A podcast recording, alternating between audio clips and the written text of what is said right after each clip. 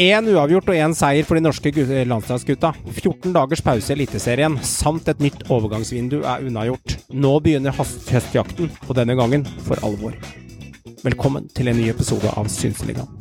Dette dreier seg ikke om taktikk. Det dreier seg om å ville ta ut det du har i magen. Dere er gode. Skjønn at dere er gode. David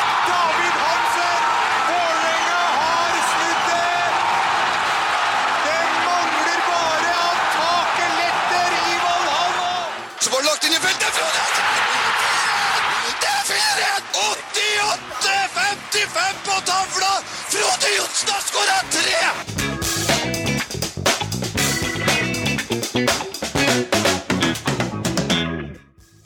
Ja, ja, ja. Tre mann i studio. Håvard, Joakim og undertegnede Johan er her. Meran, han eh, er han litt dårlig i dag, eh, Håvard? Eller, jeg skjønte at han var hos tannlegen eh, først her, hvis ikke jeg leste helt gærent, og, og måtte ta seg litt av kveldshvil. Det er noen ringvirkninger av eh, koronavaksine nummer to. Som godeste Merando sliter med. Så han har blitt eh, slått litt knockout og fått litt eh, problemer både her og der. Så han må ta det litt med ro i dag. Ja, men Joakim, du er vel klar til å overta talepinnen du da, så du får dobbel taletid på deg i dag? Oi, wow. Da får jeg totalt åtte minutter, da. Ja, det blir eh, 8,- 8,37 på deg. ja. Nei, ja, det skal gå bra, det. Men vi får ønske godeste mer om god bedring da, og Ja. håpe han er eh, snarlig tilbake i, i full eh, vigør. Det er ikke sånn jeg pleier å si, Håvard. Håper det går bra med skjelett og kropp. Hvis han eh, Kropp og skjelett. kropp og skjelett hvis han eh, har vært litt utafor denne koronaen og tenna begynner å gå utover i tillegg. Håper han har igjen tenner da, etter at etter uka kommer, at ikke han mister dette her også. Han eneste i Norge som eh, enig med at skulle miste tenna i forbindelse med en sånn ny, ny greie. Du ler godt nå, ja. Nå kjenner jeg at liksom, eh, møter opp i neste pod, og så er det ikke tenner igjen. Det var en ny bivirkning som dukka opp. Meran 29 mista alle tenna av vaksine nummer to. Oh, nei, nei, vi er glad i deg, Det er Meran. bra. Håper ikke det skjer. Håper ikke det Det skjer. går nok bra. Det går nok bra.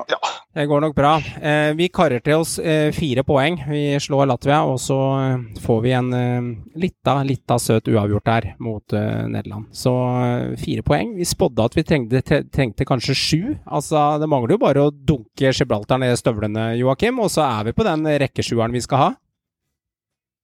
Ja, altså det var jo minimum av det de måtte ha. De måtte ha sju poeng. De skulle, selvfølgelig helst hatt uh, ni. Altså, de får sju. Noe annet er jo katastrofe. Da er det bare å legge ned landslaget hvis de ikke klarer å slå Gibraltar. Altså, det, det, det er bare tull. Hjemme Gibra mot Gibraltar, da skal du vinne. Ja. Men uh, nei, det, det var jo De har for så vidt altså Jeg syns jeg Første kampen som jeg faktisk så, jeg var jo faktisk på Ullevål. Eh, det, det var lenge siden. Du var sist. på landskampen, ja? Eh, Jeg var på landskampen, jeg var på Ullevål og så. Norge-Nederland. Det, det, var, det var koselig. Fikk sånn plutselig kasta en billett i trynet. Mm. Så Nei, jeg var jo så den. Eh, Jeg, jo, jeg, det var jo for så vidt grei. Eh, Jeg, jeg skjønte jeg og Håvard var litt uenige om kampen, for den andre omgangen der er, Men det var vel kanskje selve kampen. Det er ikke nødvendigvis Norge, men den andre omgangen var noe av det trauseste jeg har sett på fotballbanen. Det var så kjedelig. Jeg sovna nesten oppå der til tider. Okay. Men det var jo fordi at mye, nesten Nei. kampen, de, de to gutta som satt foran meg og blanda karsk på stadion, de hadde tatt for mye pils før kampen. Men, eh, nei, jeg tror det var jo fordi at det var så ble et sånn type sånn duellspill veldig mye på midten. Det skjedde jo ikke akkurat veldig mye den omgangen, da. Men eh, kampen mot, eh, etterpå mot, mot Latvia var bra. Så jeg syns altså, Nei, godt gjennomført, egentlig. Godt gjennomført. Fornøyd. Altså, vi, vi i Synsligaen, for å rette deg litt, Johan, vi spådde jo ni poeng vi, på denne runda her. Det var jo det vi sa. At det nå blir det en- eh, for Vi tippa jo både seier mot Nederland og Latvia Ja. og Gibraltar.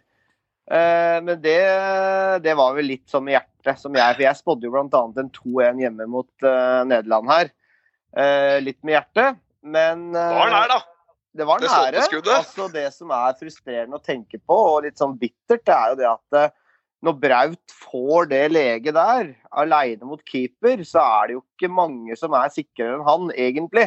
Men så er det da den berømte millimeteren, eh, centimeteren eh, feil der, så stang ut. Så Men det må jeg si, det, selv om jeg er enig med deg, Joakim, andre omgang, det var veldig sånn stillingskrig og mye sånn dueller og den biten der.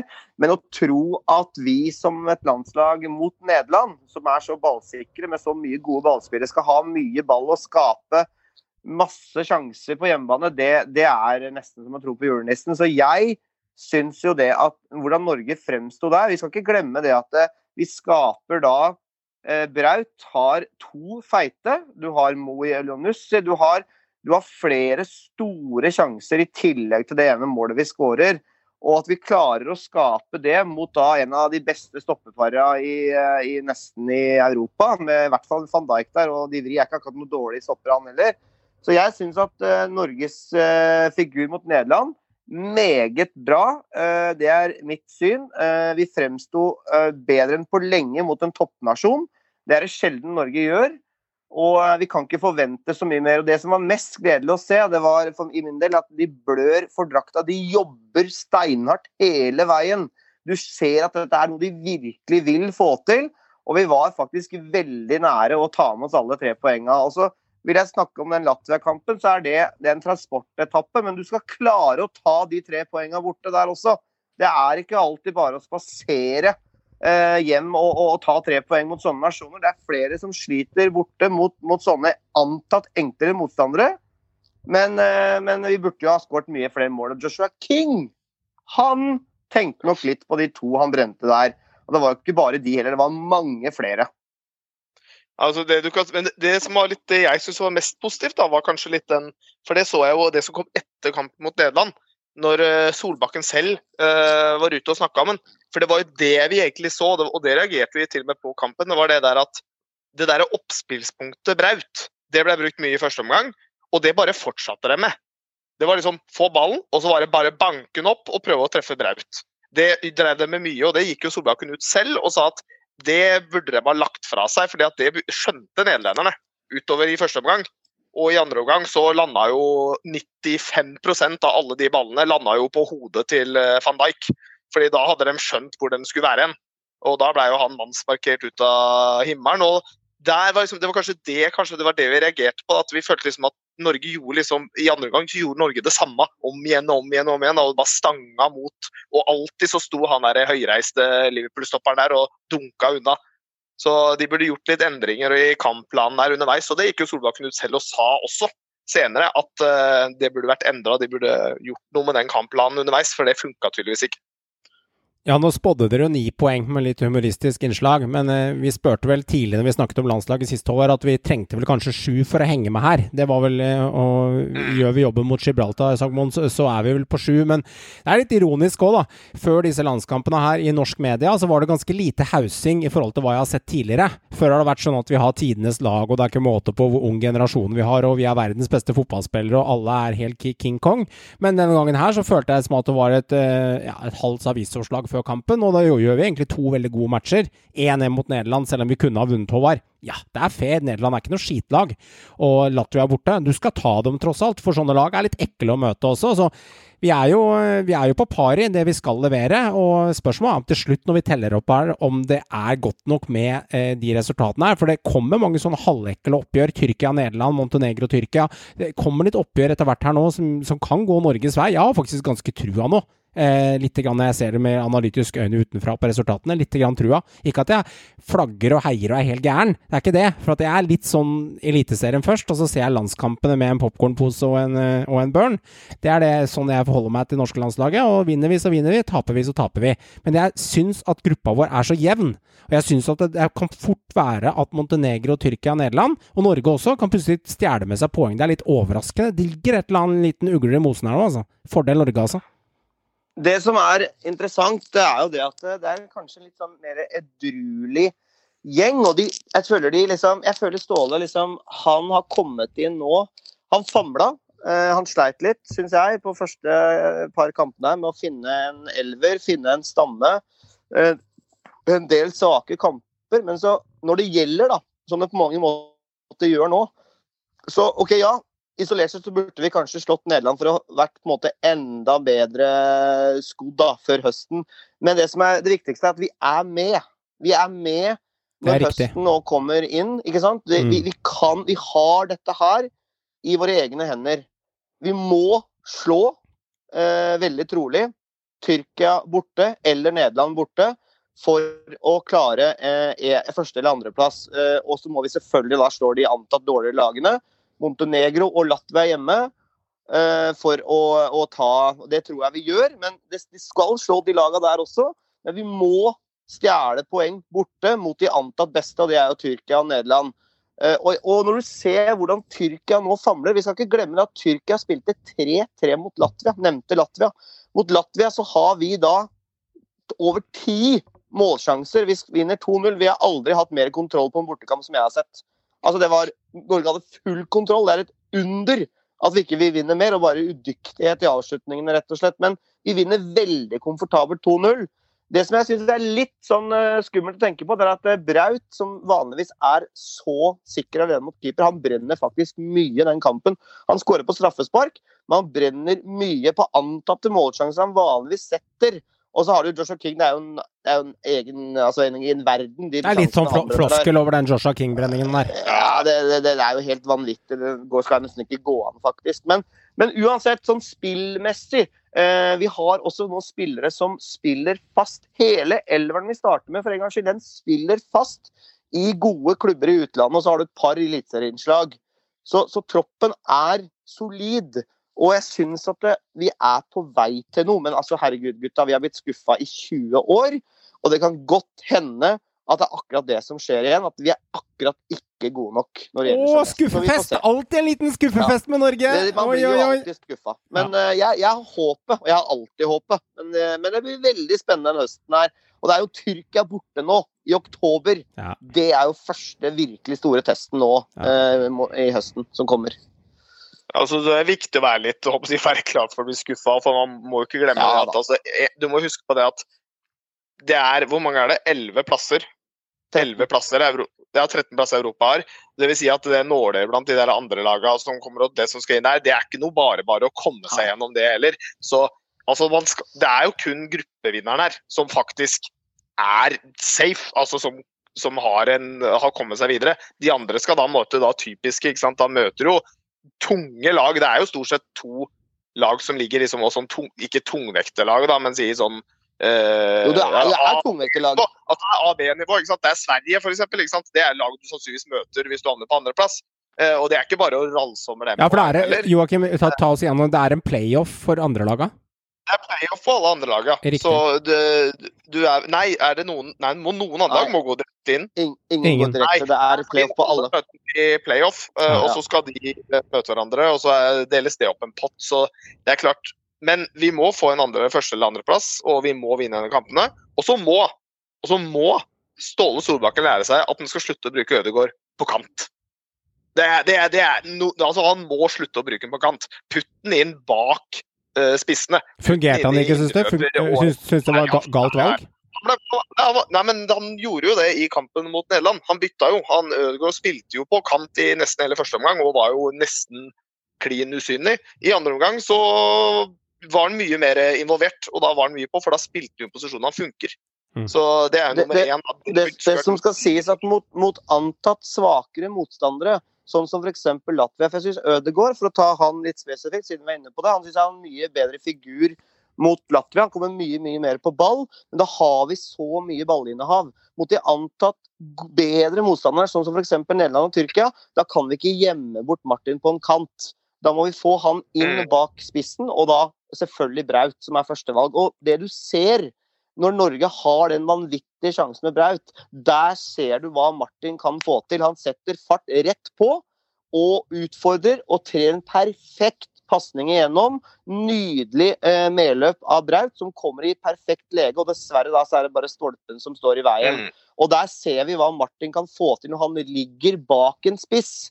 Men på kanten, eh, mot antatt svakere lag, da syns jeg det er OK av Martin der. Når vi eventuelt spiller da med to spisser og sånne ting.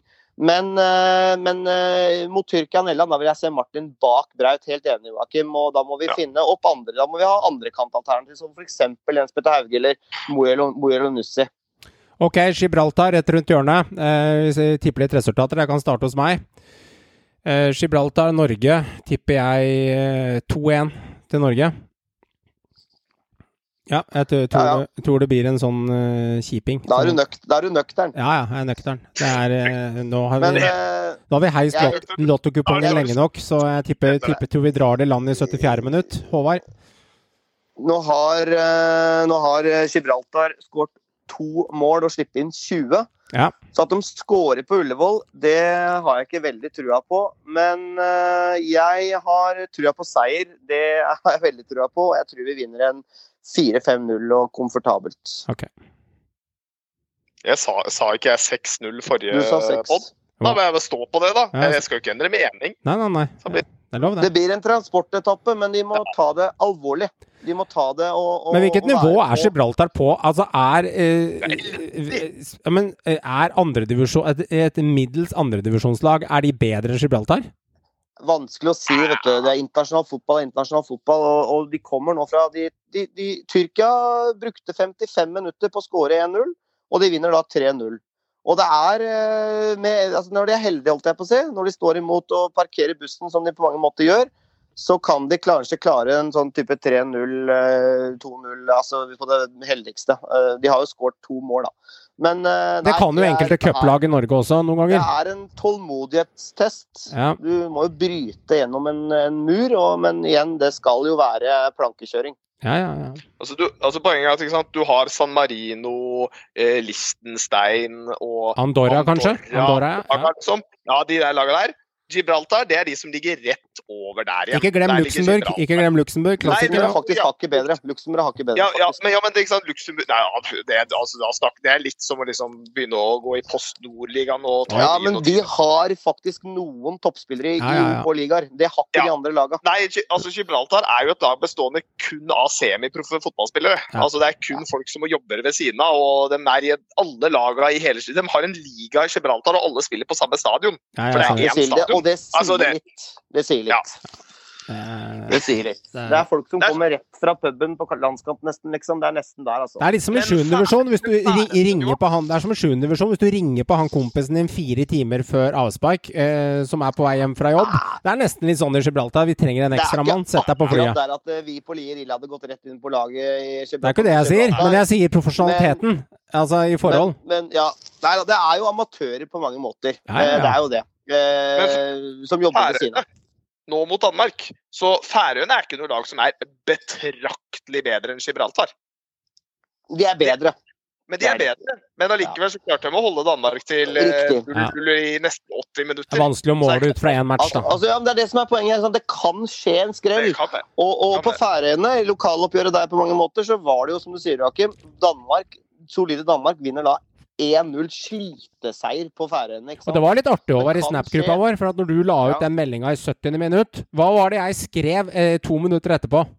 Husker du det? Nei, det? husker jeg ikke, men det var vel at Jeg skrev at eh, det ender vel med, eh, med 0-1 fire minutter før slutt. Og så gikk det 20 minutter, og så kom 0-1 fem minutter før slutt. Så det var jo spot on spåing. Det var litt artig. Men det er jo ikke så rart det, at de gode laga klarer å ri det i land, ikke Ja, sant. Og, men, eh, men igjen, du veit aldri. Men, men altså, vi, vi kan ikke Altså, vi kommer Neida. ikke til å tape mot Gibraltar. Altså, herregud. Vinner det gjør vi ikke, der, og- seier. Er tre poeng, Det det. blir, det blir en uh, ekstremt spennende høst for landslaget. Og, men vi har vært i denne posisjonen her før, gutter. Det vet vi. Vi som har fulgt med landslagsfotball de siste 20 åra.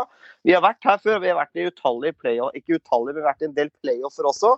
Og vi vet hvordan det pleier, og vi vet hvordan det pleier å gå. Ja. Så eh, ja, vi får se. Jeg er forsiktig optimist, i hvert fall. Hvis vi tar oss til denne, dette VM-et, da. Da er det VM neste år, har jeg forstått det riktig?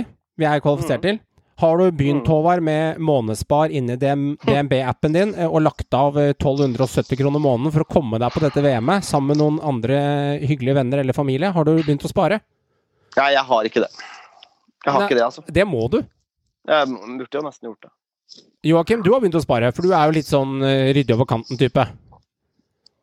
Nei, jeg er rydde over kanten-type, så jeg har overhodet ikke planer om å dra til Qatar noensinne i hele mitt liv. Det er For eh, det er et, dritt, okay. det er et drittland. Ja. eh, med, som, som, ikke, som ikke har respekt for eh, noen verken menneskelige verdier eller holdninger som verken fotball eller andre bør stå inne for. Så okay. nei. Jeg det, Det- Det ender nok med, med pub og sofaen på det VM-et Ja. der, ja. Men klart, hadde, hadde det vært i England, England Ja, Tyskland eller Italia, så hadde det vært stilig å dratt da, hvis det hadde vært i Europa et sted. Ja, Ja ja, da, da, da kunne jeg da kunne Altså, Norge i et mesterskap og 20 år siden sist, det er jo noe man nesten burde fått med seg. Men eh, vi, det, er en, det er et stykke frem dit, gutter. Ja, det er det. det er det. Optimisten, Det optimi, vi er optimisten i oss. Eh, veldig, veldig bra. Iallfall, det er en gang det er en gang for eh, første gang for alt her i livet. Om du er eh, 16-25 eller om det er det norske landslaget. Og Bodø-Glimt har jo klart å kvalifisere seg til Europa for første gang. Conference League, hvis jeg uttaler det helt korrekt, trakk Roma, CSKA Sofia og uh, Zoria Lugansk, hvis det er korrekt uh, uttalt. De tre lagene er trukket, og det er jo ingen hemmelighet at uh, den store gullmedaljen, altså store lottogevinsten oppi denne bollen, var jo helt klart Mourinhos Roma, Håvard. Ja, det er jo en godbit av en kamp. Altså, jeg gleder meg til å se José Mourinho.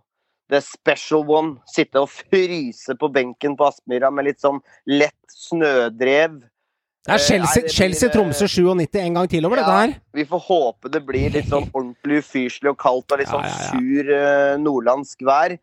Og han klager på kunstgresset selvfølgelig, at dette går ikke an å spille på osv. Så, videre.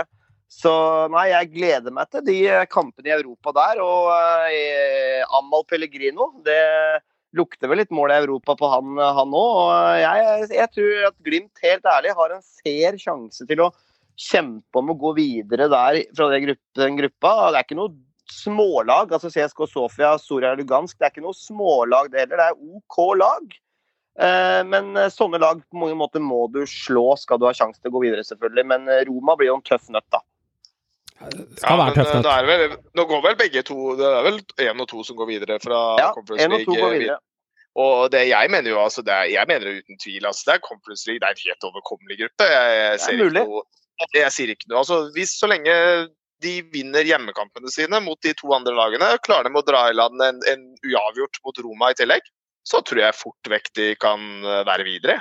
Uh, jeg, tror ikke det, jeg tror det kan være alt som trengs. Så nei, jeg syns ikke det er umulig. Jeg syns det er en fin gruppe. Litt drittlag eh, å møte. sånn der, Det er alltid kjedelig. De kunne gjerne dratt det sånn der, litt sånn lag fra noen sånn der, eh, litt mer vestlige trakter. da. Eh, når de først skulle trekke det tredje laget sitt. fordi det er alltid dritt å dra til Øst-Europa og spille kamp. Mm. Men eh, ja, det er, det er grei motstand. Det er et lag som jeg tror Bodø faktisk på en god dag så kan de vinne både hjemme og borte, tenker jeg. De starter jo eh, 16.9., om eh, ti dager. Da starter de hjemme mot uh, Soria. Og så spiller de borte 30.9. mot uh, CSKA Sofia. Og så er det litt kjipt at de får allerede Roma i tredje kampen 21.10. Altså litt kjipt ikke, for jeg skulle gjerne sett at de fikk dem i november hjemme i Bodø. Ja. Men, men eh, kanskje det er litt snøføyka, Det kanskje kan ikke. Kald, Det kan være kaldt. Det kan også være snø, dette er Norge, så det er litt inshallah over det, hvis Gud vil. Vi vet ikke helt om, eh, vi vet ikke helt om det blir snø eller ei, så det er vanskelig å si. Det får han der oppe avgjøre. Men det det blir tredje runde, så eh, de får da to, to hjemmekamper på de første tre. Så de kan jo sette et støkk med en seier, overraske borte mot CSKA, Håvard, og trøkke til med litt powerplay hjemme mot Roma. Da kan det bli litt grann eh, Billa Balu i den gruppa der, for Romas del, mener jeg. Ja, altså, det er uten tvil. Eh, Her er det muligheter. Men, eh, men Bodø-Glimt de har jo hatt en veldig lett vei, så ærlig må du være, til gruppespillet her. De har, de har vært heldige med trekninga. Men gjort seg fortjent til det òg, da. Det er noe med det. Jo, jo. Det, det- du har gjort deg fortjent til det når du kommer dit. Men uh, trekninga deres var enkel i forhold til eh, Rosenborg og Molde f.eks. Og særlig da, da Molde, som hadde blytung vei, og Rosenborg da trakk renn i playoff. Eh, eh, Bodø-Glimt har hatt en helt annen vei, og de må heve spillet sitt i Europa skal de ha noe sjanse her. For det har ikke vært veldig bra. Det må jeg være ærlig å si. Det, det har vært litt skuffende mot, mot lag du, du skal være bedre enn. Og ja, de klarte det. Det er jo det viktigste, men, men spillet må heves. Så jeg tror kanskje de kan slappe litt mer av nå. De er tross alt i gruppespill og kan se litt nedenunderfra og, og oppover mot da selvfølgelig Roma. Har ikke så mye å tape der, det er bare å kline til. Og, og ingen forventer at eh, Glimt skal gå videre heller. Eh, Men eh, her er det muligheter, tror jeg. Men er Roma en gang det det var? Altså, jeg husker han der. Hva heter han kjekkasen som er Roma-legende?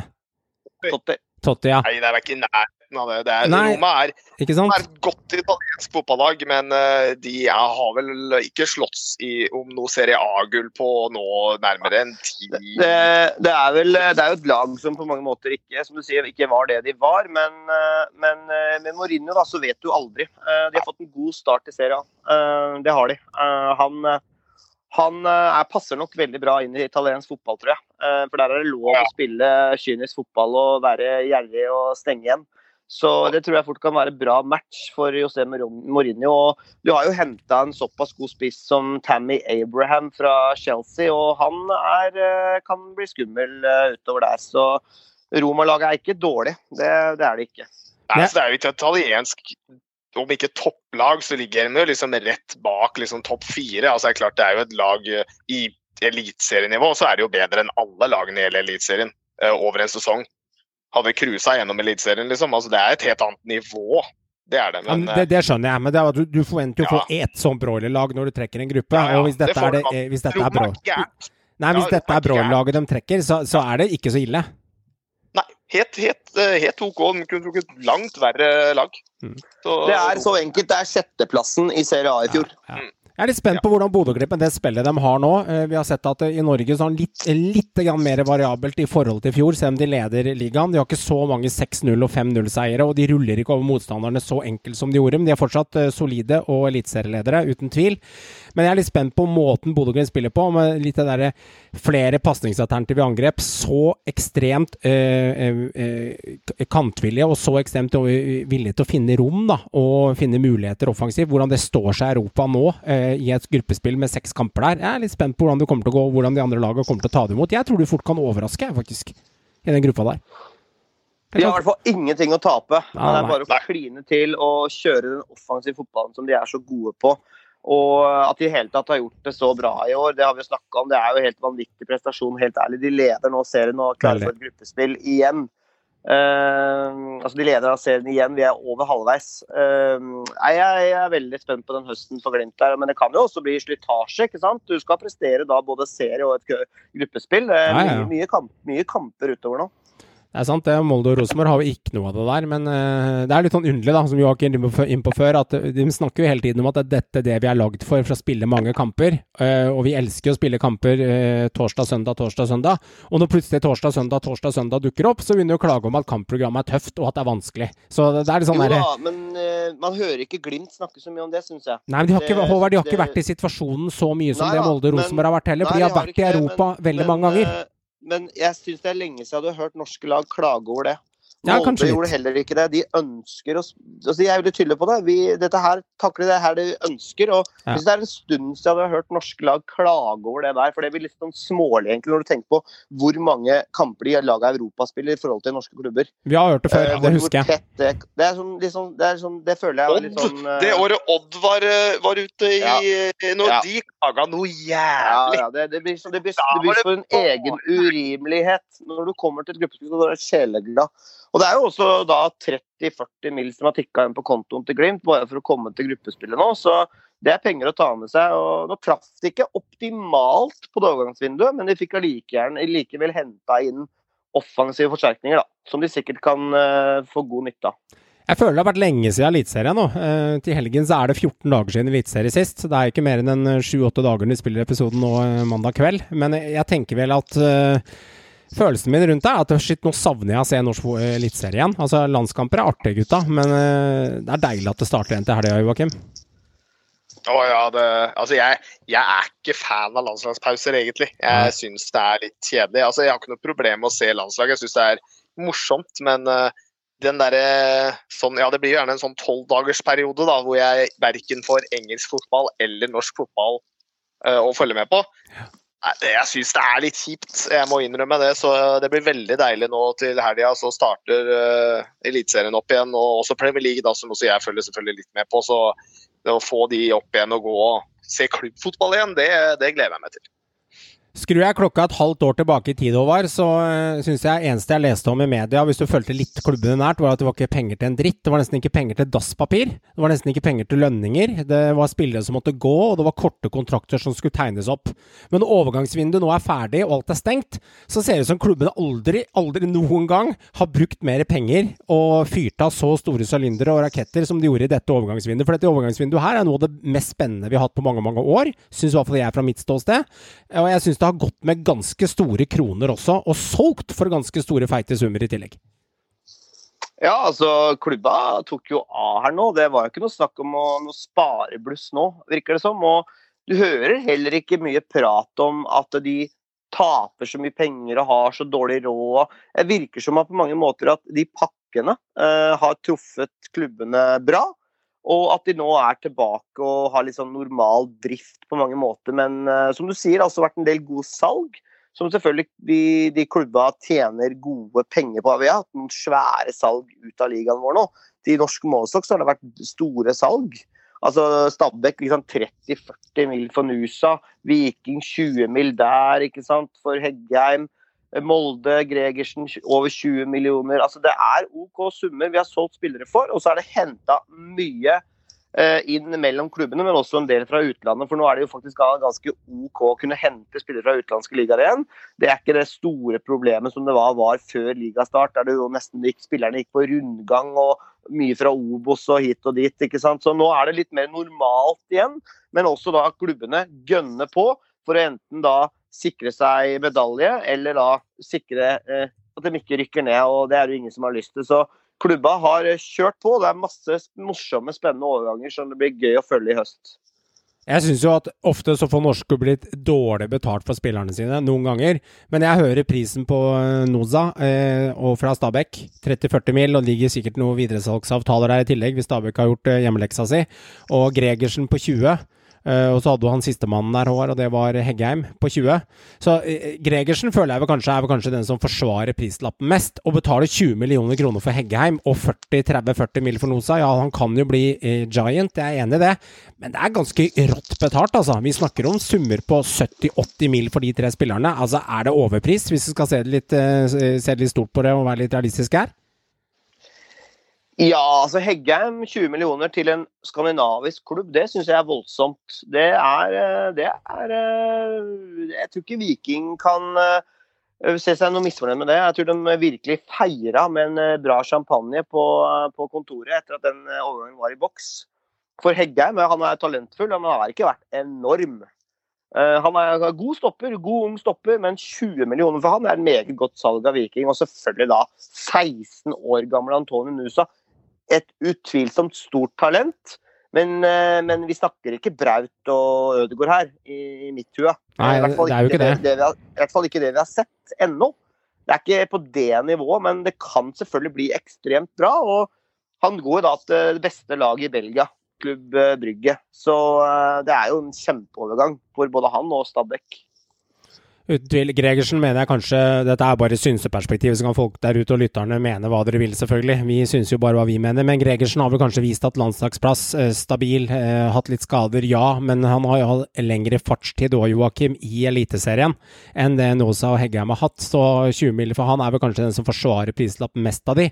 Eh, men så er det en gang sånn, da, at de, det klubben er villig til å betale, er jo det spillerne er verdt. Så det her blir jo litt sånn synseri fra sida for supportere. Ja, det er jo klart. Altså, også, det er klart Nosa han selges jo for, altså, på uh, alder. Altså, Han selges jo kun og rent for uh, talent, hva det heter det, football manager. Det derre potential uh, Et eller annet sånn jeg husker jeg har hørt masse sagt, men jeg har ikke ja, ja. spilt det på mange år. Jeg, hvor det er sånn, sånn hidden potential. da. Wonderboy. Sånn så han satses på å være en litt wonderboy da, som kan dra i land et par hundre millioner i kassa om en tre-fire år. ikke sant? Så det er jo alder ene alene, men det er klart at eh, Gregersen han er, han er verdt 20 mil, eh, syns jeg. Altså, jeg syns det er uten tvil.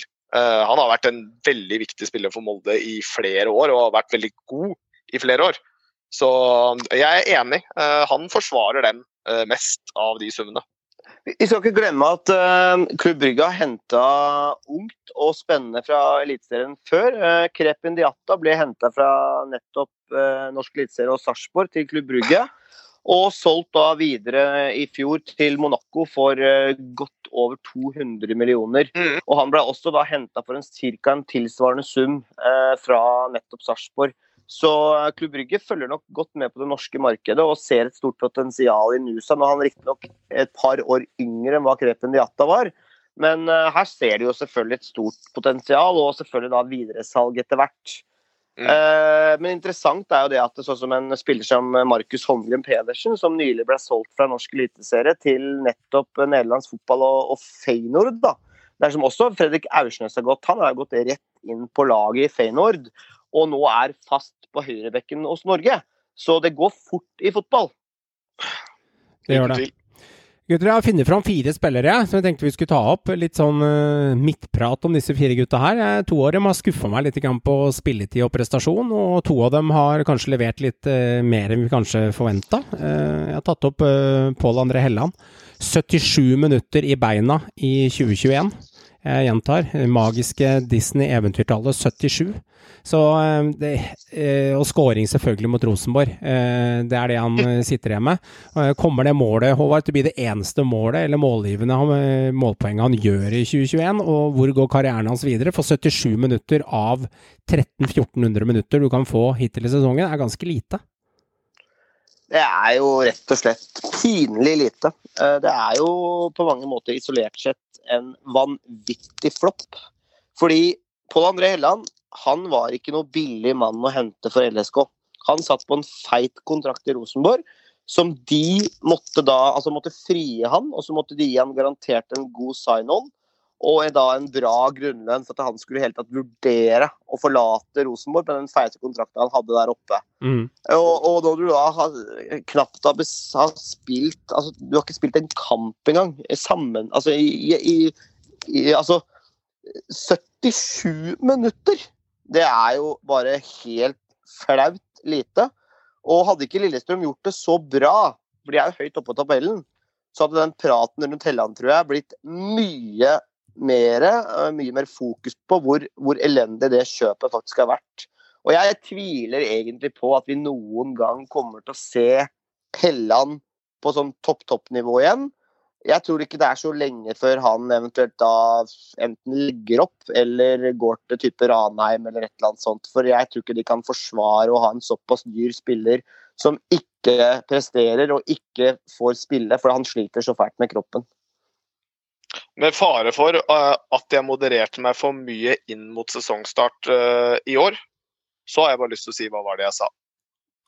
Vi sa vel alle, eller i hvert fall mange av oss her, vi sa vel Mange av oss sa, men vi, må, vi ble ja, men Jeg følte at vi, vi ble liksom Jeg følte vi alle vi, vi sa det i begynnelsen, så sa alle det, og så pusha vi på en måte hverandre. Til slutt så ble det sånn konsensus om at sånn derre Kanskje dette er det han Ja. trenger. ja. Og så Joakim var jo på vei til å lage sånn lite mini-ekkorom. Sånn ekkorom sånn der vi hauser hverandre opp. Vi lagde- Hausa, hausa Helland opp sånn mellom Ja. hverandre. Litt sånn Til og med Meran. enn sånn. Mer hadde litt trua, ja. Til og med Meran, som er største Helland eh, På sesongen og sånn. Men det er jo akkurat dette som Ja, det var jo det vi egentlig trodde, men så blei vi litt sånn revet med at vi kanskje, kanskje han bare står slår til nå. Men han har jo fått gode skussmål for å hjelpe mye til på treningsfeltet og være, eh, være eh, et godt eksempel eh, på, på et for, for, forbilde, da, og vite hva som skal til for å dra i en retning. Altså, men om det, jeg, jeg vet ikke 100 om det er bare noe man sier for å forsvare kontrakt og tilværelse, Håvard. For at, i hvert fall det du hører og leser litt, da, fra hva jeg har observert. Men tja, hvem vet? Men, eh, men det, det tviler jeg ikke på. At Pål André, André Helland i garderoben og på feltet og med gutta er, lager god stemning og bygger opp unggutta og gir gode råd osv. Det er, sier jo seg sjøl, men han ble jo ikke henta som en mentalcoach. Eller en, eller en fyr i, i støtteapparatet. Han ble vel henta som en fotballspiller som skal prestere på banen. Ja. Og det har han jo ikke gjort. Nei. Det har han jo ikke gjort i, i nærheten av å ha gjort. Så, Han skåra mot eh, det Rosenborg, da. Det var livsviktig. jo- Det var jo, jo, det, og det var jo skrevet i stein Ja. at han skulle Det gjøre det. at det skjer hver gang. Eh, eneste kampen han har starta i år, tror jeg, så skårte han, og det var mot RBK. Så måtte han ut etter en halvtime, eller hva det var for noe. Ja. Så det, han er jo en av årets største flopper. Så enkelt er det. Eh, vi må være såpass brutale og ærlige. Han har jo knapt spilt fotball, stakkars. Eh, og jeg eh, Nei, men Lillestrøm, de flyr høyt, men det er ikke pga. Pål André Helland. Og så er han sikkert veldig flink til å gi støttende ord og bygge opp gutta rundt seg, men det er ikke det han ble henta for. Det hadde vært en veldig dyr eh, mental coach eller støtteapparatsmann eh, med den, eh, om ikke totalsummen i hvert fall, som Lillestrøm måtte ut for å hente han inn, så ville det vært dyrt. Ja. Men du skal ikke se bort fra, og det, det tror jeg ikke du skal se bort fra heller, at Helland er en typisk person som kommer inn på noe trenermarked, eh, kommer inn som en trenerrolle senere. Nei, jeg tror ikke du skal se bort fra det. Det tror jeg ikke. Ja, mulig. Det kan skje. Han har ett minutt i beina etter den Rosenborg-kampen. Det var mot Vålerenga som innbytter på slutten der. Så han har spilt ett minutt de siste, Ja. siste 12-13-14 kampene. Så han er nok eh, ja, eh, han er nok eh, Ja. utfordring med kroppen sin. Så, men en annen spiller som jeg syns er mine, på mitt eget lag da, for Rosenborg, det er jeg Vecchia. Han står med 547 minutter. Er ikke mange 90 minutter i beina på han. Eh, Riktignok vært skada, så vi kan jo ikke akkurat arre, Det er sånn kjipt å arrestere en spiller for å ha vært liksom skada i 10-12 kamper, men det er en egenskap å holde seg skadefri. Men jeg syns når han har spilt, så syns jeg altså Han mangler litt tempo, noe ustabil, og jeg syns ikke heller valget han gjør alltid på banen, ser ikke ut som han gjør det alltid for det beste. Så har han noen kremmerhus i ny og ne og scorer litt. For han er ganske effektiv, Håvard, på antall minutter versus målpoeng. Det er han. Men jeg syns det har blitt litt for få minutter. Og Vecchia, han er en eh, god spiller. Uh, han har uh, som han, han har målpoeng i seg. Han har en veldig god fot. Men kroppen hans, og det var jo nettopp det ankepunktet med Stefano Vecchia, for han har jo egentlig bare hatt én skikkelig god sesong i svensk fotball. Han var jo sett på som et supertalent når han var ung og lovende. Uh, var jo virkelig sett på som en av en sånn stor, stor talentfull spiller som kommer til å liksom, gå til en av de store ligaene. Og han var jo på prøvespill bl.a. Manchester United osv. Men så har han slitt veldig, veldig med kroppen sin, og det er jo nettopp det som har skjedd her da, i Rosenborg. og han har ikke takla norsk eh, fotball og kanskje type byt, mye bytte av underlag, men han slet også faktisk med, med tempo. Det ble mye belastning på kroppen hans. Han var jo ute med da ryggeproblemer, så vidt jeg vet, i, i lang, lang tid. Men jeg skal Prolaps, si at prolaps når han kommer tilbake på banen nå. Men den trioen da med Noah, Sean Holm, eh, Emil Konradsen Seid og han selv, syns han har levert bra. Men spørsmålet er hvor lenge varer moroa? Hvor lenge tar det før han må ut med ny skade eller noe problem med rygg eller bein eller hva det måtte være. Så dette er en skadeutsatt spiller, men som har et bra toppnivå. Det syns jeg. Det høres ut som han vi snakka om i stad. Jeg er jeg er heldig han veit, altså. De har fått, har fått en ny bare, De har bytta ut Helland og henta inn en svensk Helland De må hente en, kjekke, en kjekkere, Kjekk. kjekkere type. Uh, yngre type. Svensk, men litt mindre skadeutsatt. Det er rett og slett Helland i Paradise Hotel de har henta Ja, inn. Ja, sånn altså Husk på at Rosenborg har begynt å øke snittet sitt. De har Vecchia, ja. vi har jo Ja. unge Adrian Pereira. Vi har begynt å heve snittet vårt med som Paradise-deltakere her nå. For å få et kjekkere utseende på oss. Det det er eh, i hvert fall heva snittet på utseendet. Det har RBK gjort. Det kan vi si. Det er, det er noen år siden Fredrik Vinsnes la opp, så eh, vi, har, vi, vi, har, eh, vi har tatt eh, Vi har fått øh, Ikke noe gærent med Vinsnes, god fotballspiller, men Adrian Pereira er vel øh, og Vekke er vel foran på alderskalenderen, på disse kalenderne som henger kanskje på pikerommene med sånn eh, januar, februar, mars, april, med hver fotballspiller som henger. Husker disse gamle kalenderne som henger på verkstedet rundt omkring? Det, Det men var, ingen, for å si det sånn, det var ingen som hadde Vinnie Jones hengende på rommet av damer på yngre eh, i de dagene der, men David Beckham hang veldig mange Ja, men du, litt sånn artig greie. Nå kommer jeg på det. Vi må ha litt, le litt lekenhet her. Jeg elsker når det er lekenhet. Og det er Hvilket eliteserielag hadde gjort seg best, Håvard, fra hofta, på en sånn kalender januar til desember? Du må ha tolv spillere, ikke sant? Rosenborg kunne jo diska opp med Vecchia. Og med Adrian Pereira, det skjønner vi jo. Kanskje André Hansen som litt sånn mandig brannmann-type. Ja, men et, et eksempel, da! Ikke sant? Nå bare skyter jeg litt ut her. Hvem hadde egna seg best? Hvem liksom har et eh, godt, flott snitt? Som vi kunne solgt? Nei, øh, vanskelig å si, altså. Rosenborg er der oppe, tror jeg. Kjekkeste laget i serien, det er vanskelig å si. Uh, Odd også ganske jevn stab, altså. Nei, nei, ikke Odd, altså. Nei, det er vanskelig å si. Uh, jeg tror vi får eh, la andre bedømme hvem som ser best ut. Jeg har et lag som er litt undervurdert, kanskje. Uh, Haugesund, Sandberg, Velde, Søderlund. Da har du på en måte litt ok typer. Det er flotte karer. det, er din, det er din smak. Gutta, Nilsen Tangen i Viking. Vet du, han har virkelig vært god, altså. Eh, på midtbanen der. Han er en spiller som gikk helt under radaren for meg eh, når vi snakket om før sesongen. Eh, ikke bare er han skitbillig på Fantasy, men mye tillit har han fått. Eh, driv så det synger på midtbanen der. Han er liksom sånn skjult motor sammen med eh, Joe Bell der, og syv målpoeng hittil i sesongen, og er nesten Nesten en selvskrevenhet først ned på blokka når Viking setter opp lagoppstillingen utenom eh, Slatko og Berisha. Ja, det er litt å ta i. Han har vært mye, altså. mye ut og inn av laget, men han, har- han har spilt mye mye mer i det siste nå. Men han er ung, vi må ta med oss det. Han er ung, ung spiller Ja, ja. som virkelig har spennende ferdigheter og driv. og Han var jo veldig veldig god mot Rosenborg, eh, blant annet. Og, og virkelig liksom satt sitt preg på det vikinglaget nå, og kanskje særlig sammen med, med Slatko og selvfølgelig Veto, men også Joe Bell den siste tiden. Så eh, Samuel Fridjonsson starta jo eh, sesongen og spilte mye, men han er liksom litt ut i kulda nå. Og så er det andre som har steppa opp. Og, eh, Men Håvard han har vært på banen i alle kampene utenom Ja. én, eh, og det er veldig mye 68 minutter. da. Ikke har starta mange kamper eh, i starten av sesongen, men, men som jeg sier, spilt mye mer den siste tiden. Riktig. Og er eh, en spiller med veldig veldig spennende ferdigheter. Så der har Viking et potensielt bra salgsobjekt eh, etter hvert. Ja, ja, helt klart. Han er spennende, og han er øh, han, han har gått litt under radaren, tror jeg. Jeg tror ikke, er ikke sikkert Viking heller jeg hadde regna med Håvard at han skulle bli så rå så tidlig, uten når de satt eh, startelveren før sesongen, at det faktisk han kunne bli ganske dominerende og være en litt sånn skjult spiller å få inn der, da. Han er jo sett på som et uh, stort stort talent, som det har vært snakk om en god stund. Og nå slår han litt ut i, i blomst. Eh, han har jo ikke mange målpoeng, så vidt jeg vet, men eh, ikke mye scoring i hvert fall. Men altså, det er en spiller med spennende ferdigheter. Det er det ikke noe tvil om.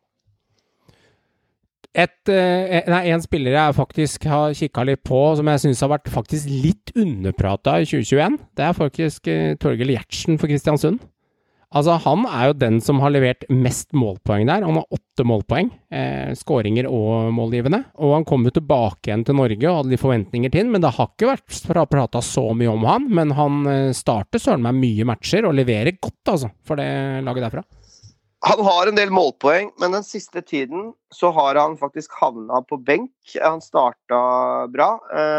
KBK eh, han leverte jo Han har levert litt sånn jevnt og trutt med målpoeng. Det har vært lite skåringer. Har vel en del assist. Så Seks assist ikke- seks assist og to skåringer. ja, riktig. Og det er ikke mange mål. Dette var jo en målfarlig spiller før han dro.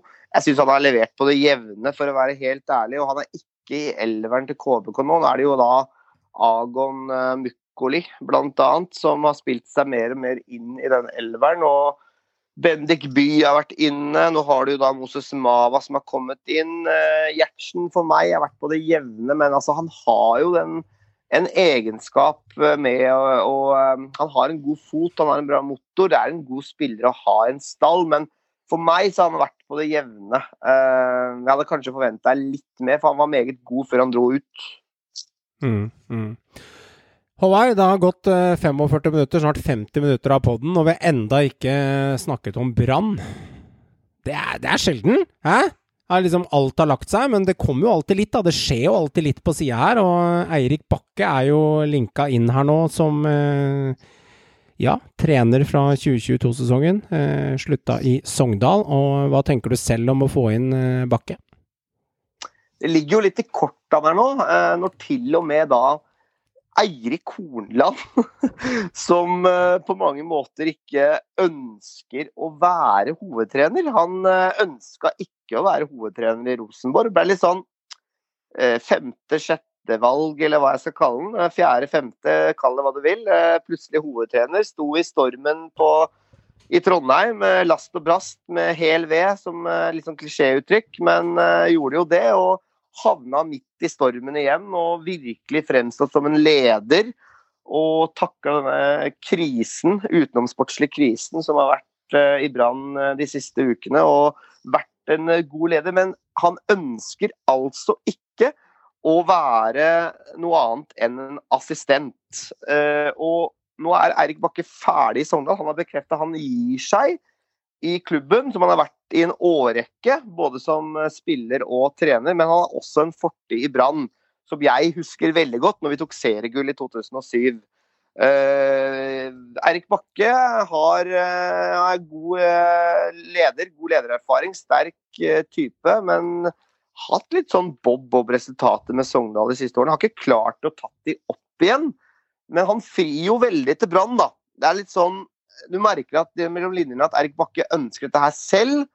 Og så spørs det jo da om Brann biter på og tenker at dette her er da den rette kandidaten til å ta Brann eventuelt opp fra Obos, eller da stabilisere seg i Eliteserien. Så jeg er veldig veldig spent på hva som skjer videre her.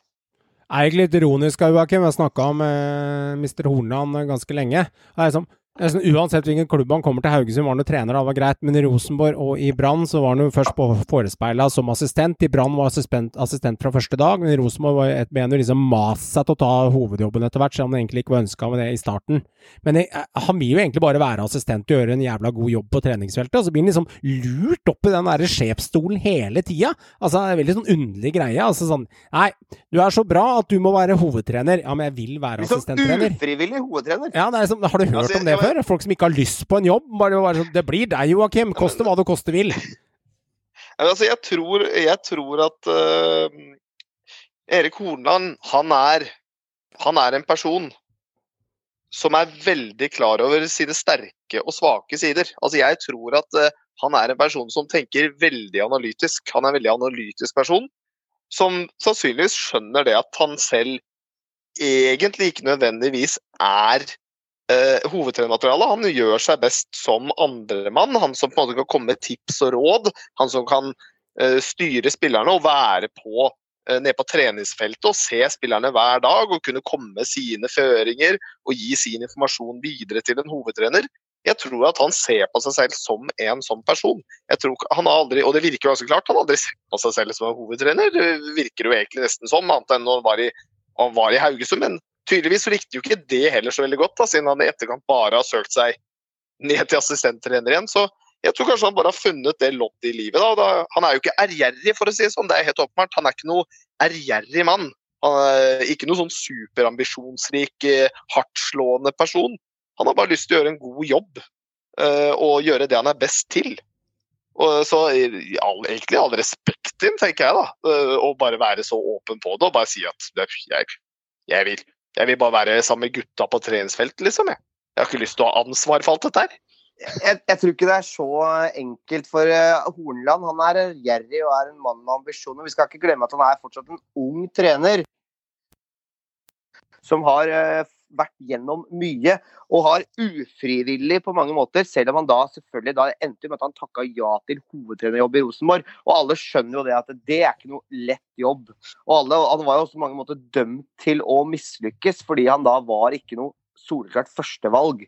Mm. Og så kom han da til Brann. Ble henta av Kåre og skulle være en, en typisk eh, assistent på feltet, sjef på feltet. Det er han veldig glad i. Og Hordaland, selv om han er god med media, for det syns han egentlig er, han er god med media, han ja. står rakrygga hel ved, som jeg har sagt uh, utallige ganger. Men det er ikke det han liker best. Han liker ikke å frontes til media og er ikke veldig glad i kameraene. Og har, har minst lyst til å ha mye med journalister å gjøre, tror jeg. Han liker å jobbe i fred og ro med teamet sitt. Uh, så det tror jeg har litt med det å gjøre. Han ønsker ikke det fokuset fra media og kunne heller jobbe i fred og ro på feltet og, og terpe med gutta og, og den biten der. Men, men, han er ærgjerrig av ambisjoner. Han har nok ambisjoner, men jeg tror sånn som ting er for Horneland, så tror jeg han ønsker litt mindre fokus og heller jobbe med detaljer på feltet. Eirik Bakke, da. Hva tenker du om han nå var? Er dette riktig vei å gå? Du sier, sier det selv resultatmessig er ikke, det er ikke noe helt ballonger i været. Eh, men klart, han frir jo liksom til Brann. Eh, du har jo en god stemme derfra fra 10-12 år tilbake da han var med Martin Andresen og den gjengen der. Og har et godt navn i Fotball-Norge. Eh, men holder det til å ta denne klubben her nå? Jeg er eh, veldig i tvil, altså, om uh, dette her er rett vei å gå. altså Bakke er i hvert fall en veldig tydelig leder, og det, det går litt sånn uh, Det er litt snakk i denne saftbygda om Bakke sin lederstil. Han er han er veldig, veldig veldig uh, direkte. Uh, det går rykter om at han rett og slett er litt ufin. Uh, det, er jo, det, er jo, alltid noen som ikke liker treneren, selvfølgelig. Og han har en veldig veldig, veldig tydelig og klar lederstil. Men jeg tror nok eh, Bakke er veldig klar for å på en måte komme seg litt vekk fra den trygge saftbygda han, eh, han, har, eh, han er så glad i. Og, og, ta litt steg som trener og komme seg til en større klubb. For det er jo ikke noe tvil om at eh, Bakke har ambisjoner, og det er på tide, selv om han er en ung trener, å, komme seg videre til et nytt steg. og Brann er jo da en mye, mye, mye, mye større klubb. Enten om det er Obos eller Eliteserien, så er det jo en mye større oppgave. og men jeg er veldig i tvil om dette her er rett vei å gå for Brann. Det blir spennende å se hvilken divisjon vi er i, og hva som skjer der. Jeg tror Bakke er interessert i jobben uansett om det er Obos eller Eliteserien. Hvis dere skulle overleve, så trenger dere fortsatt ny trener. He, altså, sånn er det jo, for Hornland har sagt det blir assistent i sånn som det er nå. Men, men, du vet heller aldri det, vet du, Johan. Det gjør du ikke. For hvis Horneland redder plassen, ja. hvis de klarer å redde plassen nå, Eh, så blir jo han den store helten på mange måter. Ja, ja. Og da er jeg veldig spent på hva som skjer om han da skal tilbake til en assistentrolle. Hvis han da har klart å redde Brann fra Erik. Når det så så håpløst ut, da blir jo han Wow, da er det jo nesten Lars Jørgen Nilsen på nytt igjen her, ikke sant? Men la, så, men la, men ja. la, la oss gå ut ifra det, da. At han øh, blir assistent over gjør det egentlig. Han blir assistent, og vi skal ha ny hovedtrener uavhengig om Eliteserie eller Obos. Eh, litt sånn eh, skudd ut her. Hva med Kjetil Rekdal, da? Ja, han ryk, rykker opp med HamKam, og Brann overlever allerede. Eh, men det er jo mer prestisje å trene et lag i Bergen enn å trene et lag på Innlandet.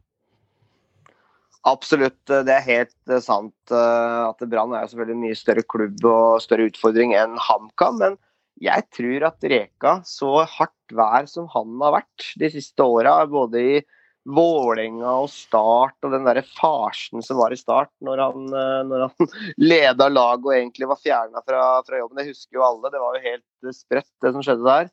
Eh, nå har han jo fått en restarta karriere. En mann som nesten var litt sånn altså Det er feil å si avskrevet, men, eh, men virkelig fått det til da, i HamKam. Jeg tror han blir i HamKam Hvis de rykker opp, så blir han i HamKam. Tror du han blir, tror du seriøst, tror du han blir Ja, jeg tror det. Jeg tror han okay. blir værende i HamKam og leder de i Eliteserien hvis de rykker opp. Okay. Hvis, hvis de feiler i opprykket sitt, så kan det hende at han er mer gira på å flytte på seg, tror jeg. Ja, okay. Ja. Det jeg tror kommer til å skje, er veldig enkelt. Det som kommer til å skje i Brann, er veldig enkelt. Er at eh, Holand han klarer akkurat å redde Brann fra nedrykk. Og så sier han han har lyst til å være assistenttrener, og så kommer Eirik Bakke inn og tar over hovedtrenerjobben. Og så taper Eirik Bakke åtte kamper på rad neste år. Og så får han sparken, og gjett hvem som er hovedtrener for Brann neste år? Da kommer Horneland opp igjen. Det blir en sånn Kåre på ny.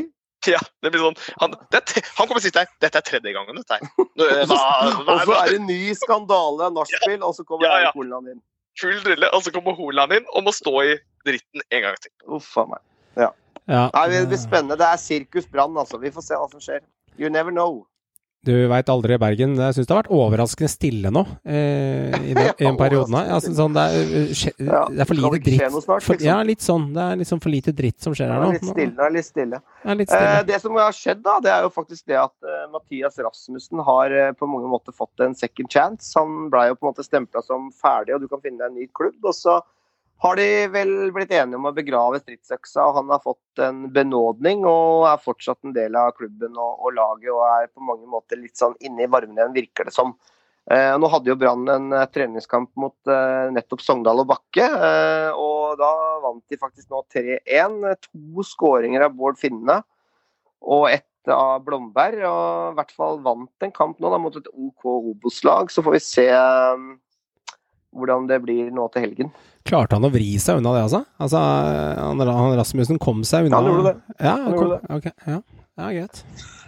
Vrei seg unna. Det var nok å ta ut en tre-fire andre.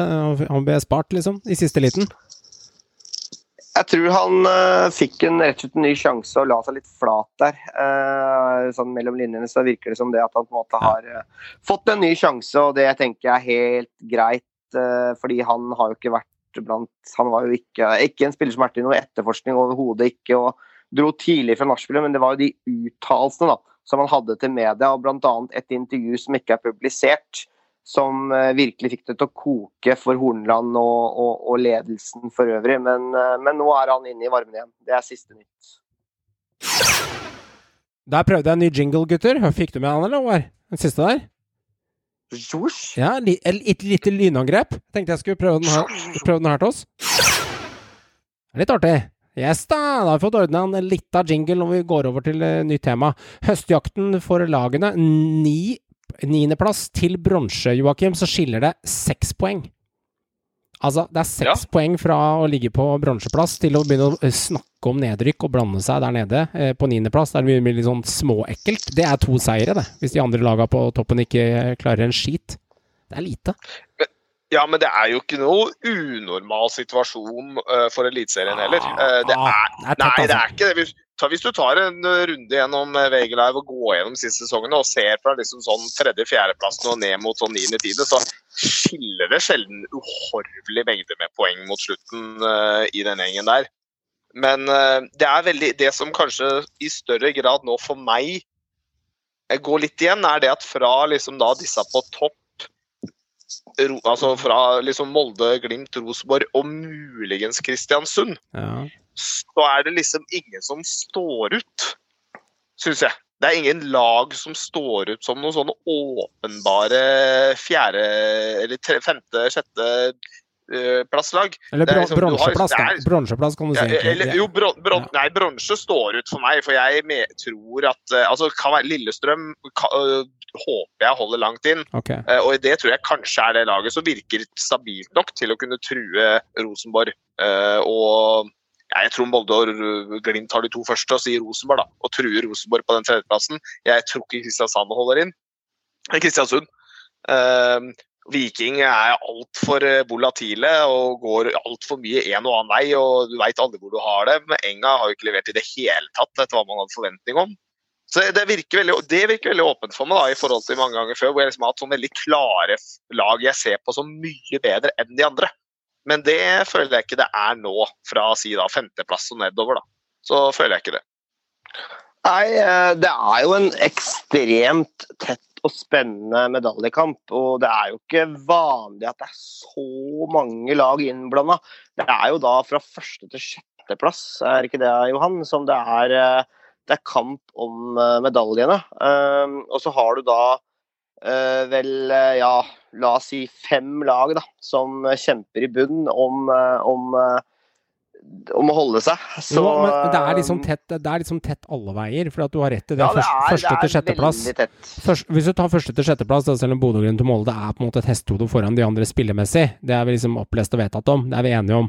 Og så blir den bronsen, den blir opp til Lillestrøm, Kristiansund, Rosenborg, Viking. Hvis de er gærne nok til å litt stabile, så kan de melde seg på. Men ta Godset, for eksempel. Da. Lite trolig at det skjer. Men la oss si det skjer. Vinner Godset to kamper, og Rosenborg får en uavgjort et tap, så er de plutselig to poeng foran RBK og er på en fjerde. Så det er liksom Det skal ikke Ja. mer til til å begynne å kødde i toppen, da, hvis du har lyst til å henge Ja, deg på. Det er det som er noe- jeg poenget mitt. Jeg har ikke noe trua på at de under der, på en måte, under de, Nei, de, de, de fem der, melder seg på. Det, Det var, et- det var et eksempel, Håvard. Ja, ja, jeg, det er derfor jeg svarer. For jeg, jeg, synes, jeg, jeg har ikke noe trua på det. Jeg tror det er de der oppe nå, og gods og sånn, det blir for langt ned, altså. Jeg skjønner. Jeg skjønner. Altså, jeg vil, så, jeg vil jo som nevnt tidligere, jeg vil trekke det lenger. Altså, jeg, nå, nå tenker jeg på rent spillemessig og hvordan jeg syns lagene på en måte har sett ut hittil i år. Så er liksom med unntak av Glimt og uh, Molde, som er i særklasse, uh, så er det kun Lillestrøm øh, som egentlig en Som er egentlig bare Lillestrøm som har hatt en jevnt god sesong i forhold til forventningene fra før. Mens RBK de kom, har kommet seg så mye i det siste nå at jeg tror de blir harde å ha med å gjøre. Kristiansund, ja, fordi de veit jo aldri med, og de har denne hjemmebanen sin, og de har den evnen til å klare å på en måte å presse seg i kamper. Så altså, de tre jeg, jeg dropper eh, Enga og Viking. Viking er ikke stabile nok. De er ikke gode nok eh, overall. De har et høyt toppunkt. Og så er de jo Altså, Viking på sitt dårligste, det er jo helt nede der sammen med Stabæk og Brann. Når Viking er dårlig, så er de dårlig. Altså, da, da får de jo ikke til noe som helst. Og Enga er litt det samme, da. Bare, bare gi meg en kommentar før jeg slenger meg på det med Viking. Det var ikke meningen å avbryte deg, men Ja. du har et veldig godt poeng. Og vi har snakka om Viking mange ganger, at toppnivået er skyhøyt. De slo Molde, de slo Rosenborg, Ja. og så er de eh, helt ubrukelige. Altså diaré på veggen hvis, hvis de eh, feiler. Og det, bare hør litt på målforskjellen deres òg. Hvis du ligger på sjetteplass, har slått Rosenborg og har slått Molde, dvs. Si at du har bedre målforskjell i de kampene, siden du ikke har tapt mot de lagene med store sifre. Men må, målforskjellen deres er 33-33. De har null i Ja. differanse på målforskjell. Som med Viking så veit du ikke en dritt hva som skjer. Altså Det er som jeg har sagt tidligere, de kan vinne Nei. 4-1, de kan tape 1-4. Altså Du setter ikke huslånet på Viking, altså. de inn. Nei, derfor går ikke de inn. Jeg tror ikke de kommer til å bedre seg heller noe særlig utover i forhold til de andre lagene. Jeg tror ikke det. Jeg tror de kommer til å være litt sånn sesong. Ja. Poenget er bare jevnt over skuffende og spiller jevnt over for dårlig til å melde seg inn på De har faktisk bedre målforskjell enn Viking. De har syv plussmål. Jo, men de er bare kjipe. Ja, Ikke sant? er Viking er morsom. Ja. For det er liksom, enten rundt, eller så er det søppel. Mens Enga er egentlig stort sett har vært kjip i år. Jeg syns det har vært kjedelig mange kamper. Jeg, jeg har mer uh, trua på, på Altså ikke medalje nødvendigvis, men jeg har mer trua på Viking og KBK enn Vålerenga, faktisk. Fordi Ja, samme her. Uh, jeg syns at altså Når Viking da, altså det er sterkt. Du har slått Molde og RBK hjemme. Ja, de kan gå på noe skikkelig bananskall, det Vikinglaget. Men allikevel så er det Det er, det er et lag som, eh, som eh, på mange måter eh, er litt mer med nå. og det vet han er tilbake. Det er spillere som ellers at Joe Bell ble værende. Det er Tripic. en Tripic er i Ja. kjempeform. KBK, jeg syns Moses Mava ser spennende ut på topp, faktisk. Eh, fordi jeg passer bra inn i spillestilen. De har også andre spillere som har meldt seg på. Du har det maskineriet der oppe. Lillestrøm flyr høyt. Det er så mange lag som kan melde seg på. Rosenborg har vært bedre på høsten nå, selv om de gikk på tap. Men eh, det blir, det blir tett og jevnt. Altså. Her, eh, det blir veldig veldig vanskelig å spå, men jeg er enig i at jeg syns to lag skiller seg litt ut. Og det er Molde og Bodø-Glimt, som jeg tror tar gull og sølv. da. Ja. Og Ja, snakke litt om bunn. bunn. Tromsø, Mjøndalen, Stabæk og Brann. Hvis jeg tar det derfra, da. Eh, Sarpsborg Det er de laga, tror jeg. Ja, for Sarpsborg har nå 20, 20 poeng. Eh, alle har like mange kamper spilt. 17-17-17 på alle mann. Og så er det 20 poeng på Sarp, og så er neste lag Tromsø med 15. Så det blir Tromsø, Mjøndalen, Stabæk og Brann. Og hvis vi ser litt på hva de har prestert de siste ti matchene Samlet, Joakim, så er det 40 kamper de fire lagene har spilt. Hvis vi tar eh, fire ganger ti, det er 40 kamper. Mm. Gi meg et, eh, et eh, hofteskudd på hvor mange kamper samlet har de vunnet av de 40 kampene disse lagene til sammen. Kan, ja, det blir hofteskudd, for det kan Ja. jeg ikke si nøyaktig. Men det det er ikke mange Skal vi se, vent, da. Mange seire har de? Eh, de fire lagene. Det er ikke noe quiz-spørsmål, så det trenger ikke fire minutter. her. Bare gi et tall. Håvard, gi meg et tall, da. Seks. Seks. Seks, ja. Fire kamper har de vunnet av 40 kamper samlet. Det vil si at de har vunnet 10% av kampene sine. Altså Der har Tromsø én seier, Mjøndalen har én, Stabæk har to, og Brann har én. Fire Brann har to. Brann har én på ti. På ti, ja. Jeg trodde du mente hele året. Ja. Nei, nei, nei. Eh, Nei. Vi snakker ti, og det er jo, og det er jo på hele året på, ennå. på året er det ikke så mye bedre, for der, på, To- to år, ja, men på året har de to, og der har Stabæk tre og Mjøndalen to, Ja. så det er ikke så jævla mye bedre det, for det er på Det er jo 17 kamper. Men uansett, fire seire på 40 kamper er det samme i snitt, cirka. Men, men altså eh, Hvem er det dårligst av de dårlige, som jeg snakka om før? Og da, da, da poenget mitt kommer. Målforskjellen er minus 17 på Brann, minus 16 på Stabæk, minus 12 på Tromsø. Men de lille brune har minus 3. Og det har vært hele poenget mitt, som jeg lener meg på. Litt grann, at de taper så sjelden med store sifre at jeg tror det der kommer du kanskje til å redde dem til slutt. Og vi har et lite internt veddemål, litt som vi har vedda en eh, øl og en snusboks på uh, moro skyld, Joakim, du og jeg, med litt sånn flørt mellom hverandre her. At du tror Mjøndalen kommer til å tape her for at de er for gjerrige hele veien, mens jeg tror Mjøndalen kommer til å klare det fordi at de taper så med få sifre. Og målforskjellen, så kan det faktisk bety noe i bånn her, når du, alle lag er så ræva på å vinne kamper, Joakim. Ja, det kan du uten tvil. eh, Og altså, misforstå meg ikke, altså historisk sett og statistisk sett så få, eh, er det jo du som ligger foran. Fordi Mjøndalen klarer seg jo alltid. ja, på en måte. Alltid gjør de ikke det, da, men ja. De har rykka ned. Ja, de har rykka ned, men liksom, nå har det vært en god del sesonger nå. Det er vel fire sesonger på rad nå. De Nei. har Det er ikke fire på rad. tre på rad. De Det er tredje, tredje, tredje hvis de holder seg i år. Ja, det er tredje. Ja. Uh, men det er klart Nei, altså Det var Ja. kvalik i fjor, altså. Jeg bare sier det. Ja, det var det. det var, ja, jeg veit det var kvalik i fjor. De var ikke Eliteserien men altså, i 2018, så det stemmer Nei. det Håvard sier. Men hovedpoenget mitt er at det jeg også ser på, er jo én ting er det at de er gjerrige, men poenget er at av de laga likevel, da altså det, det, det, er, det er jo egentlig altså sånn som Det ser ut nå, det er bare trist for Eliteserien om Mjøndalen holder seg, for de har vært så dårlig. Altså Poenget er at Brann har fått Altså, De har ikke vært gode. Men de har ikke vært dårligere enn Stabæk og Brann. Det har de ikke. Nei, nei altså Brann Jo, de, Nei, jo. spillmessig har de det. Brann har styrt kamper, og de har tapt Ja. fordi de ikke har vært effektive nok. Ja, men Brann må har også sett ut som et jævla uvær bakover til tider. Der det ser ikke ut som Jo, men- noen ting nei, henger men- sammen. Greit, men Mjøndalen får jo ikke til noe som helst etter den passerer midtsirkelen. Altså, Da er det jo stopp. Altså, I laget veit du ikke hva de skal gjøre med ballen når de kommer ti meter inn på motstanders banehalvdel. Vi er enige om at ingen av de fire lagene her er jævla gode. Vi er enige om at ingen av de fire lagene her er jævla gode. For de har, de har fire seire på 40 kamper. Men jeg, Tre prøver, av de fire havner på nedrykk og kvalik. Det ja, er, det er vi enige om. Men, jeg, men vi må være enige om at vi skal gi dem et lite, lite eh, score i gleden her, eller pluss i gleden her, da. Eh, så, så er det jo det at de er litt gjerrige, som kan redde de på Ja, det er målforskjell. enig. Altså, noe må jo de få her, ellers så kan de jo begynne å legge inn året allerede nå, Håvard. Ja, øh, men jeg, jeg tror faktisk at i år så rykker de brune ned. Eh, fordi jeg tror også det Det er ikke bare pga. brannhjertet mitt, men jeg tror at de er det, en av de svakeste lagene der nede all over. Og når du da selger han eh, krumtappen bak, Solholm Johansen, til Motherwell, som, eh, som Vegard Hansen så fint eh, sa, det er et steg opp. Dette er en middelhavsfarer i skotsk fotball. og eh, Skotsk liga, bortsett fra Celtic og Rangers, det er vel ikke akkurat noe toppliga, akkurat. Syns det var bra at Jokke Jønsson slakta skotsk liga i, i, i siste indre bane.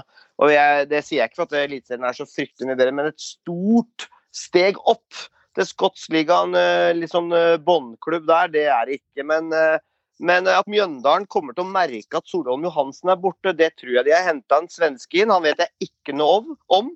Janewski eh, inn som stopper, og de har henta en, eh, en Nå husker jeg ikke i farten. eh, de har henta en til. eh, noe sånt Obos-opplegg.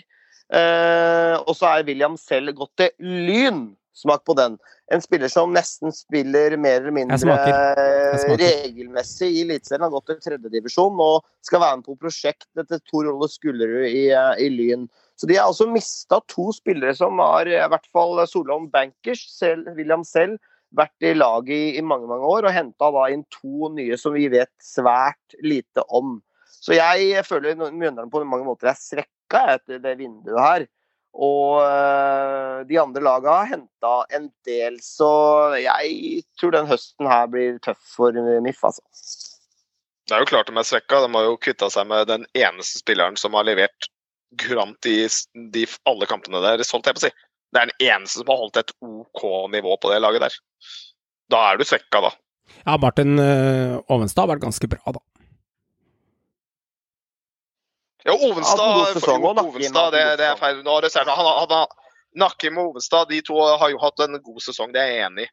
Eh, Men Solveig Johansen er jo en bærebjelke der, og når du mister han, så sier det seg selv. Og når vi snakker om Helland og garderoben, så er Solholm Johansen en sånn type også. Det vil de merke. Han har vært der i mange, mange år og er en del av den derre eh, hva skal jeg si, den gjengen der, eh, som de har en sånn egen sånn, sånn greie. og han, han, han har vært en viktig del av laget både på og utenfor banen, og det tror jeg de kommer til å merke veldig. En spennende høstjakt i hvert fall. Hvis du ser de siste fem kampene, da, så er formlaga Rosenborg med fire av fem seire. Bodø-Glimt med tre seire og to uavgjorte. Og så vil jeg vel kanskje trekke fram, for det er så jevnt her, Viking med tre seire, en uavgjort og et tap eh, av de. Så det er ingen som har gjort eh, rekkesekser eller reint bord de siste tre kampene, for det er såpass jevnt. Odd er litt nedadgående trend, faktisk. De siste fem kampene har Odd fire tap og én seier. Så det begynner jo å At det blir en spennende høst, det er det ingen som helst tvil om.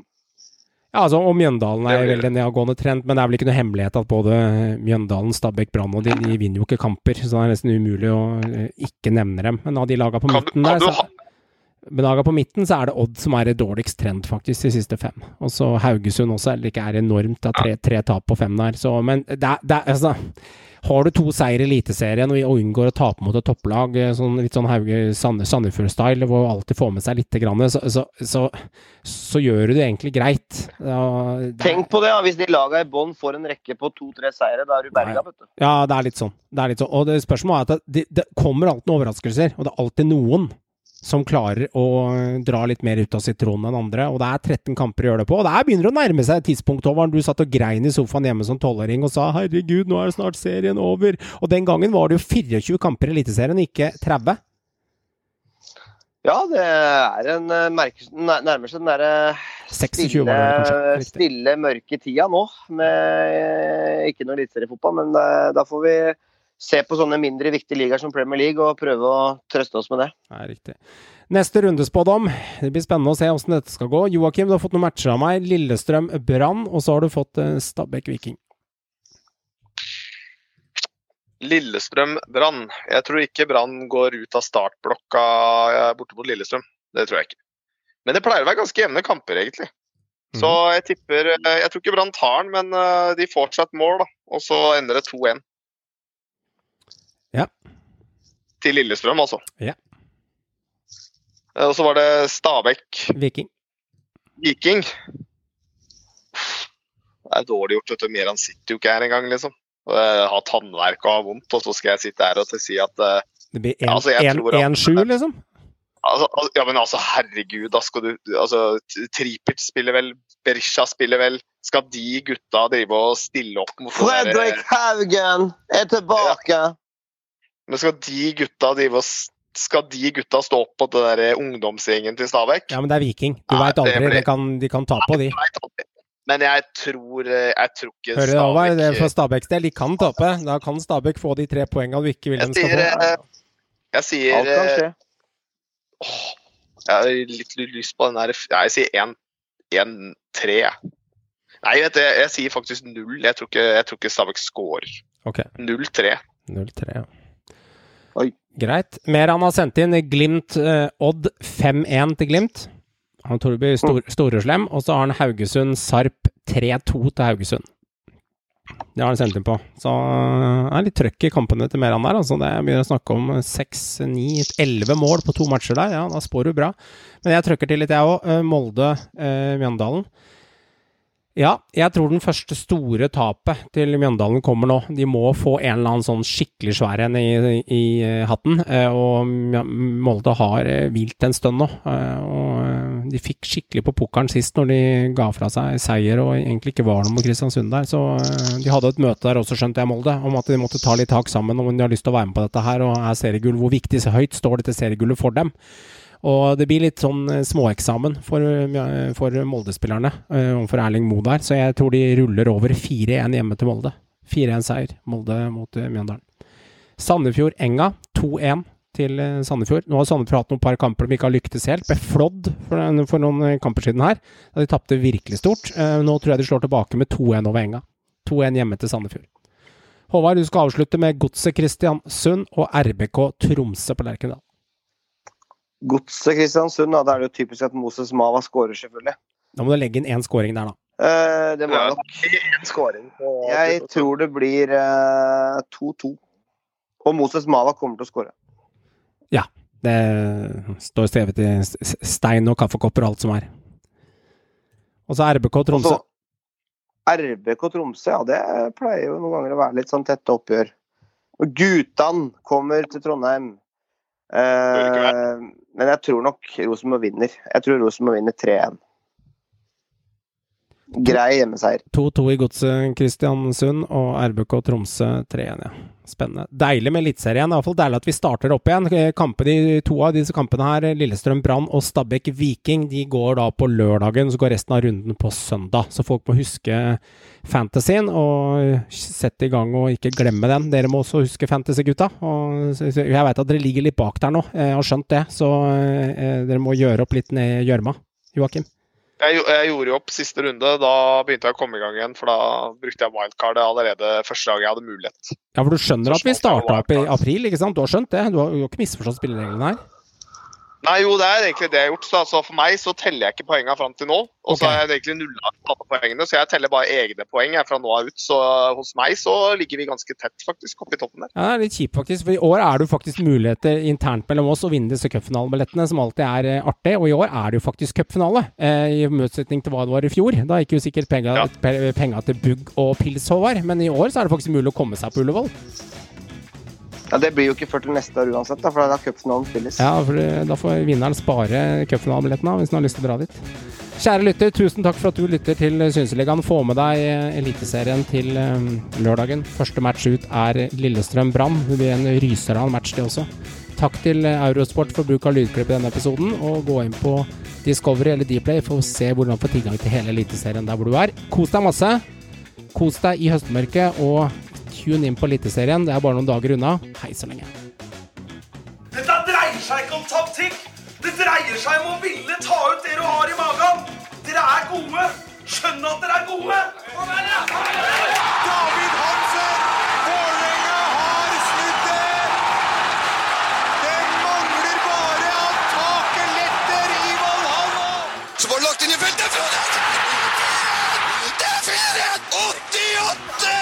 85 på tavla! Frode Johnsen har skåra tre!